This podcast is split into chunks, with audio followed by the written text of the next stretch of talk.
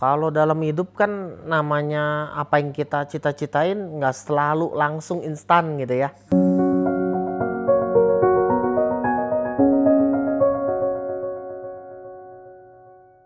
Oke, jadi kita balik lagi hari ini di 30 Days Meals Challenge yang pertama. Yeay. Hari ini kita punya uh, narasumber pertama yang inspiratif banget. Jadi kita bilang sahabat inspiratif kita. sahabat inspiratif Ini tuh punya dua anak, masih aktif, nih hobinya juga luar biasa. Jadi kita hari ini Lagi tuh di lagi rumahnya. suara anak-anaknya. Jadi kalau misalnya kalian datang ke rumahnya ini kayak harta karun hobinya banget. kayak toko mainan lah ya Ini anak-anaknya happy denger bapaknya punya banyak mainan dari sini ya. Iya. Tapi ini bukan mainan sembarangan. Jadi kita langsung sambut aja lah daripada lama-lama ya kok ya. iya Kok Jimmy! Halo gitu kok. Halo, halo. Nah kok, kan Ya. eh, seru banget nih kok. Kita tuh suka ngobrol-ngobrol. Kayak tadi sempat sebelum ini tuh kita ngobrol-ngobrol nih. Boleh cerita nggak kok dikit profesinya kok tuh sekarang sebagai apa sih gitu? Oke, profesi saya sebagai kontraktor. Ya kan. Ya, jadi saya eh, bergerak di bidang jasa ya. Ya. Sama lah kayak orang-orang asuransi ber- ber- bergerak di bidang jasa juga ya. Ah, ah. Nah, jadi dari bidang jasa tuh kan kita eh, apa sih yang dijual gitu kan? Mm-mm. Nah, yang dijual tuh berarti eh, ide kita, servis kita gitu kan? Ya, intilah intinya eh, poin utamanya gimana kita kembangin peningkatan kualitas gitu yang untuk kita tawarin buat klien atau nasabah kita gitu. Ah, bukan kontraktor biasa lah ya kok ya Ya, bukan biasa pada umumnya gitu kan. Hmm. Ya, terserah sih itu kan eh, level kita mau apa yang kita tawarin tuh mau se- sejauh mana gitu kan. Ada ada beberapa levelnya gitu. Phase-nya lah istilahnya gitu kan. Nah, kalau saya sih eh, kebenaran untuk bener-bener dua jasanya untuk ke klien-klien yang emang mau nikmatin rumahnya, mau pakai rumahnya. Bukan untuk yang fokusnya untuk oh beli uh, simpen nanti ada untung jual lagi bukan untuk kayak gitu. Investasi ya. Ini benar-benar untuk rumah yang dinikmati. Karena kalau yang bikin nama saya ya sesibuk-sibuknya orang sesukses-suksesnya orang itu 40 sampai 50 persen itu di, di hidup dia yang sekarang dan sisanya nanti. Di itu rumah. pasti habis di rumah tinggalnya gitu. Banget ini. makanya saya cobain orang kan banyaknya mau bikin rumah cuma nggak kesampaian. Cita-citanya eh, pengen gini gini gini gini gitu kan. Nah kalau saya emang lebih ke detailnya sih gitu. Nah, jadi kok- bisa bener-bener eh, klien puas gitu.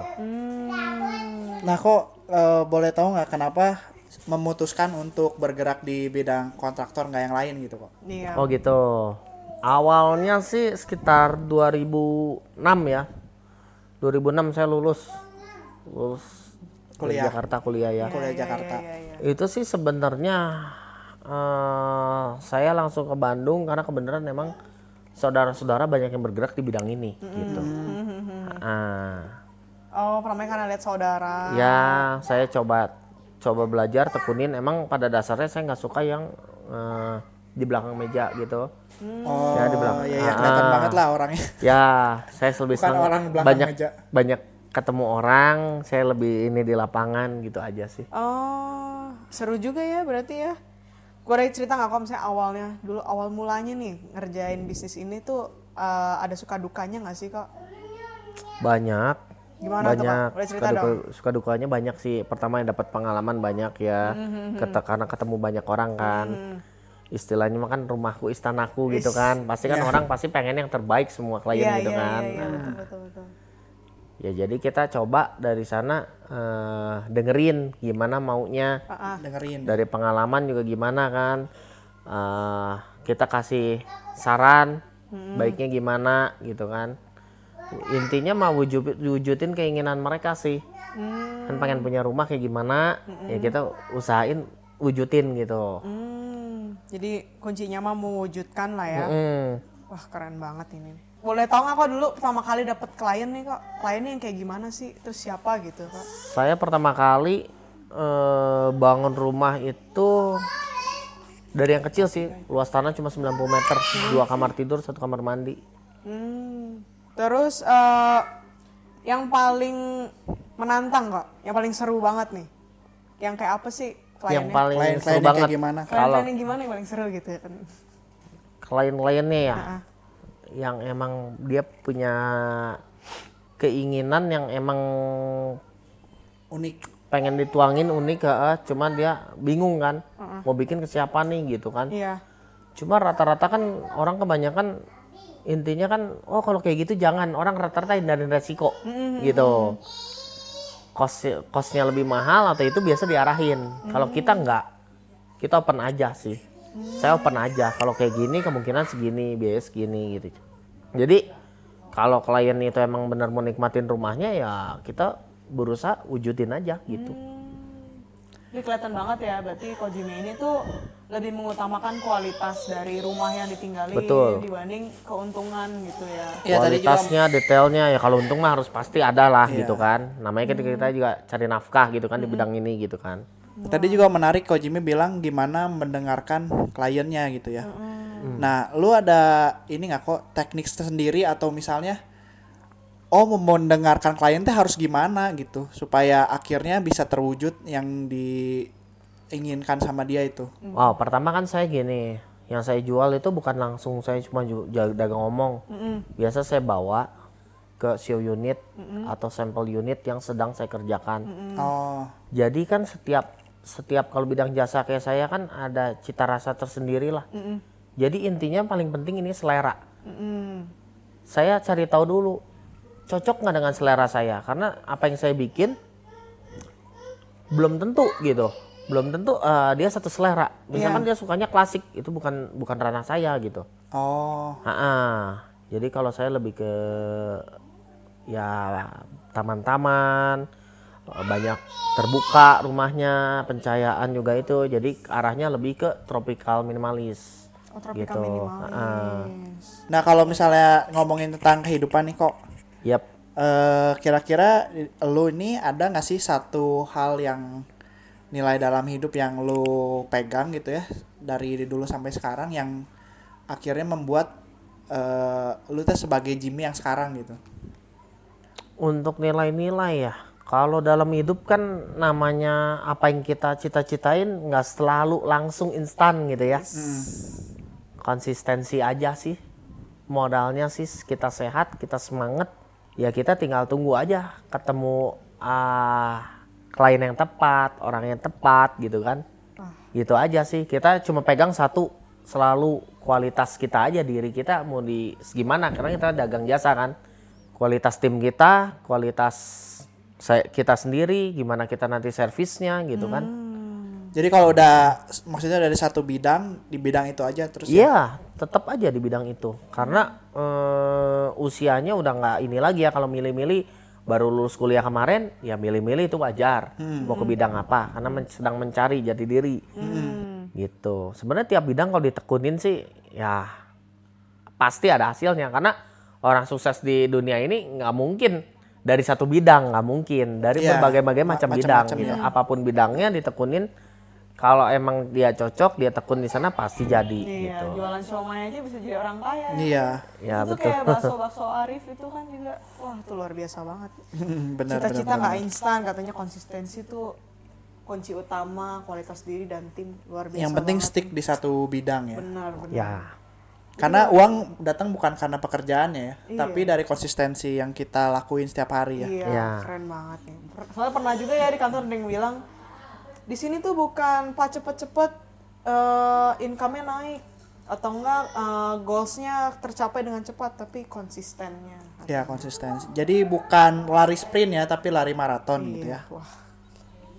Kira-kira nih kok menurut Koko eh, investasi terbaik itu nih kok itu di mana sih kok? investasi terbaik investasi terbaik ya kita investasi mulai dari eh, kesehatan harus ada cover ya gitu ya.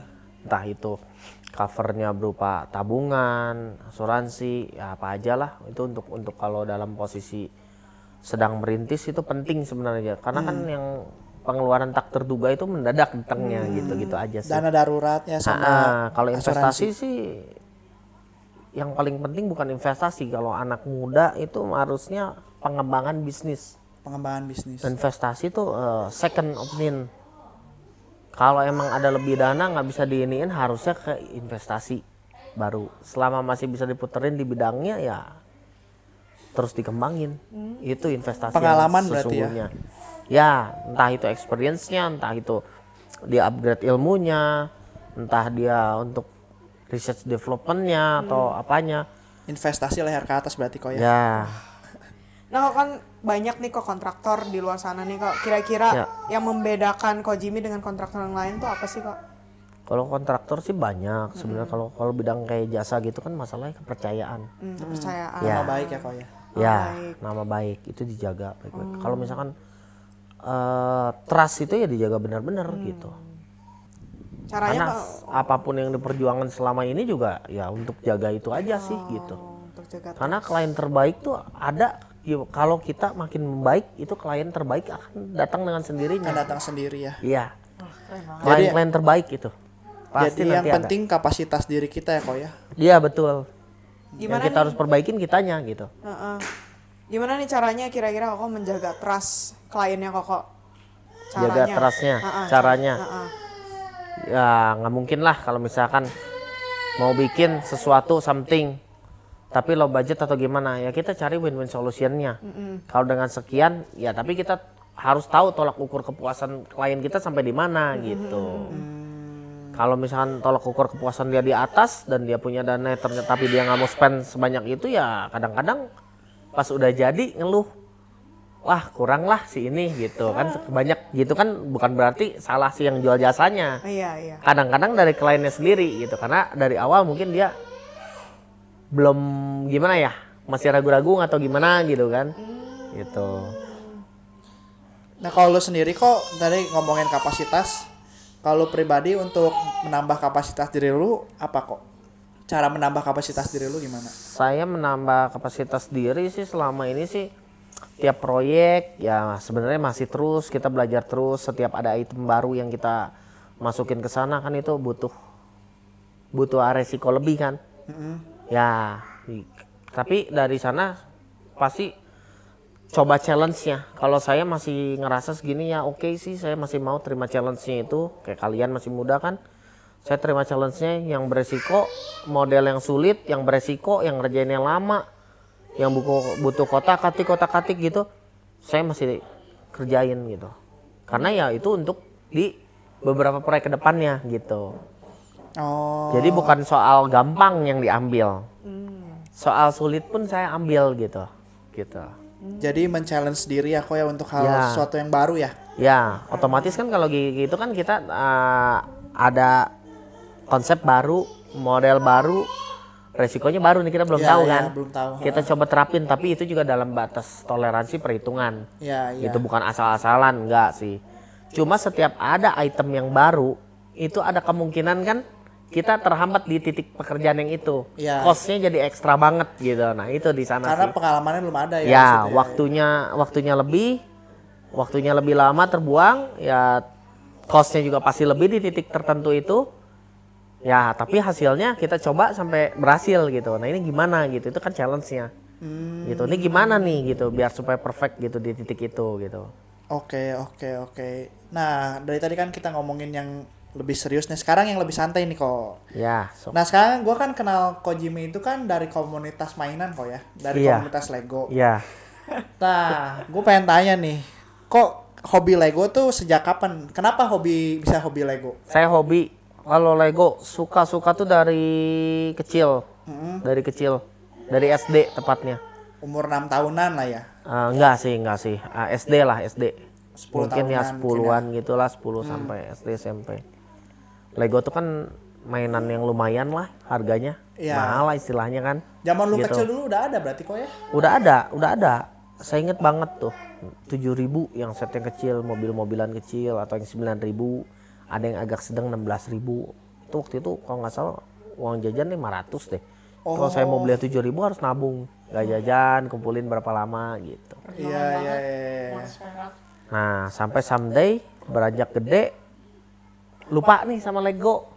Hmm. Tiba-tiba waktu pas kemarin di salah satu mall di Bandung di IP ada nih jual Lego, Oh, tapi iya, Legonya iya, aneh gitu, yang eksklusif gitu. Ah, Emang saya tipenya senangnya yang nggak umum gitu biasanya kan, nggak umum nih dijual nggak pasaran gitu. Saya tertarik ke sana, nah mulai beli satu dua ya tertarik lagi akhirnya ya ini. pembalasan dendam masa kecil kau ya. Jadi bahaya ya. Iya. Para pendengar ini yang punya anak kecil kalau masa kecilnya kurang diberikan Iya mainan. ini rumahnya penuh dengan Lego. Kayaknya kalau Legonya dijual udah dapat satu unit apartemen. kayaknya. Uh, nggak lah kan hobi aja sih. iya iya iya. iya. Ini banyaknya di gudang penuh, ruang tamu penuh. Tapi masih investasi Lego kok sekarang. Investasi mah yang udah dibeli mah masih tetap disimpan. Lego kan ya namanya barang apa ya semacam barang kayak komoditas gitu kan apalagi ada tren musim ya. Hmm. ya ada naik ada turun sih. Tapi kalau saya kan nggak bukan penimbun yang bukan yang emang cari untung gitu. Jadi beli satu satu jenis tapi banyak banget. Terus kalau flop rugi semua. Kalau saya enggak sih tapi dia rata-rata normal-normal aja sih sebenarnya. Karena saya belinya variannya sangat banyak gitu. Iya. variannya Tapi dari sini jadi da- apa? Dari hobi ini lu dapat klien nggak kok dari hobi Lego?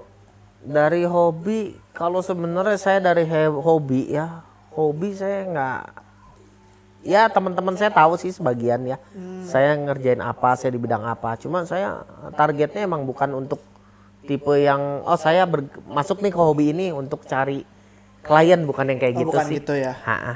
Jadi mau hobi-hobi ya. rata-rata klien. lebih orang tanya malah banyak klien saya dari yang orang ketemu di lapangan atau yang emang sedang cari untuk bikin rumah gitu Malah jadi keracunan gitu.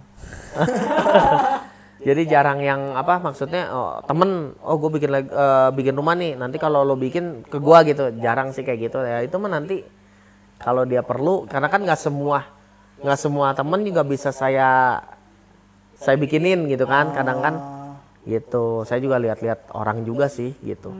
Cocok nggak dia dengan saya karakternya eh, tujuan dia bikin rumah tuh apa gitu kan. Kan ada yang untuk komersil atau apa kalau komersil sih pasti nggak cocok gitu. Hmm, Jadi walaupun satu komunitas tetap perlu lihat cocok gak seleranya sama kita ya, gitu ya kayak terus kalau bidang jasa gini tuh paling penting poinnya ada selera. selera. Kalau udah seleranya beda, nggak akan ketemu sampai gimana juga gitu. Contohnya gimana kok? Contohnya, jadi kalau misalkan ya selera dia temanya yang Mediterranean rumahnya, Heeh. saya kan tropical minimalis gak nyambung. Jadi walaupun segimanapun sebesar budget gimana pun, itu nggak masuk beda konsep gitu kan, beda konsep. beda jalur lah, Jadi nggak bisa dipaksain ya. nggak bisa.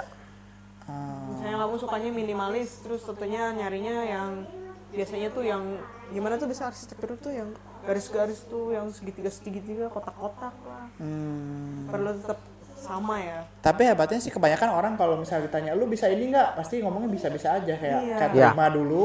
Ya, kalau kayak gitu sih kalau kita nanti? misalkan bukan bidangnya sih ya jangan gitu. Kalau saya bukan tipenya kayak gitu jangan gitu karena nanti kasihan orang nggak akan puas lah. Iya. Emang bukan biasa dibikin ke kualitas yang tipe kita gitu kan. Kita coba-coba ke kualitas yang itu ya akhirnya nggak maksimum. Tapi bisa kalau- dicoba mah bisa gitu. Tapi kalau misalnya ada orang nih, eh Kojimi gue mau bikin tipe yang bukan yang lu expert gitu. Biasanya apa yang lu lakuin? Ya, Dikasih ke biasanya orang sih- nih, dioper atau apa? ya paling direkomendasiin kalau nggak biasa sih nggak nggak terlalu dilanjut gimana sih. Gitu. Oh jadi nggak nggak apa ya, nggak kekeh ya, nggak kekeh ya. Jadi karena saya pribadi mah saya pengen kan orang udah spend money udah spend rum- buat rumah impian kalau emang bukan jalurnya ya jangan Jangan jangan salah Heeh, jangan salah order gitu kan order ke siapa gitu kan Hmm, jangan sampai salah order. nanti yang kasihan sih yang kasihan sih yang ordernya gitu kan gitu. Ngerasa kok kok udah ngeluarin spend uang segini tapi kok udah dapat kayak ya gini tipenya gitu. kok nggak kayak yang saya mau nih gitu tak dan itu kalau di saya sih nggak mungkin miss. Kayak gitu nggak mungkin. Iya iya iya. karena saya udah bawa ke lokasi itu langsung bukan dari visual gambar yang 4D atau gimana. Saya real dimension. Jadi benar-benar dilihat langsung dirasain disentuh dipegang dilihat pakai mata kepala kepala sendiri jadi ya lebih pasti Udah Kalau yang order itu berarti yang udah cocok gitu. Ya, udah berarti- kayak uang ya. Dilihat, diraba, diterawang gitu. Tapi Ko Jimmy ya berarti ya bagus banget ya dia kalau walaupun misalnya ada klien yang datang dan bukan nggak cocok tapi dia nggak maksain gitu. Iya, Jadi iya. malah kasih ke referensi ke orang lain yang mungkin gayanya lebih cocok gitu. Iya. Jadi kelihatan bukan money oriented banget ya. Iya. Ya. Bukan kontraktor ambiar. Kalau saya istilahnya kontraktor money oriented ya pastinya ruko sih. Bikin ruko lebih cepat, lebih simpel, lebih mudah. Strukturnya yang penting kuat, udah. Yang penting posisinya bener aja kalau ruko. Kalau ini kan rumah tinggal challenge-nya emang beda sih. Hmm. Banyak kan eh, mewujudkan dream come true-nya si owner. Oh. Ya kan? Rumah yang diangan-angan di impian dia gitu.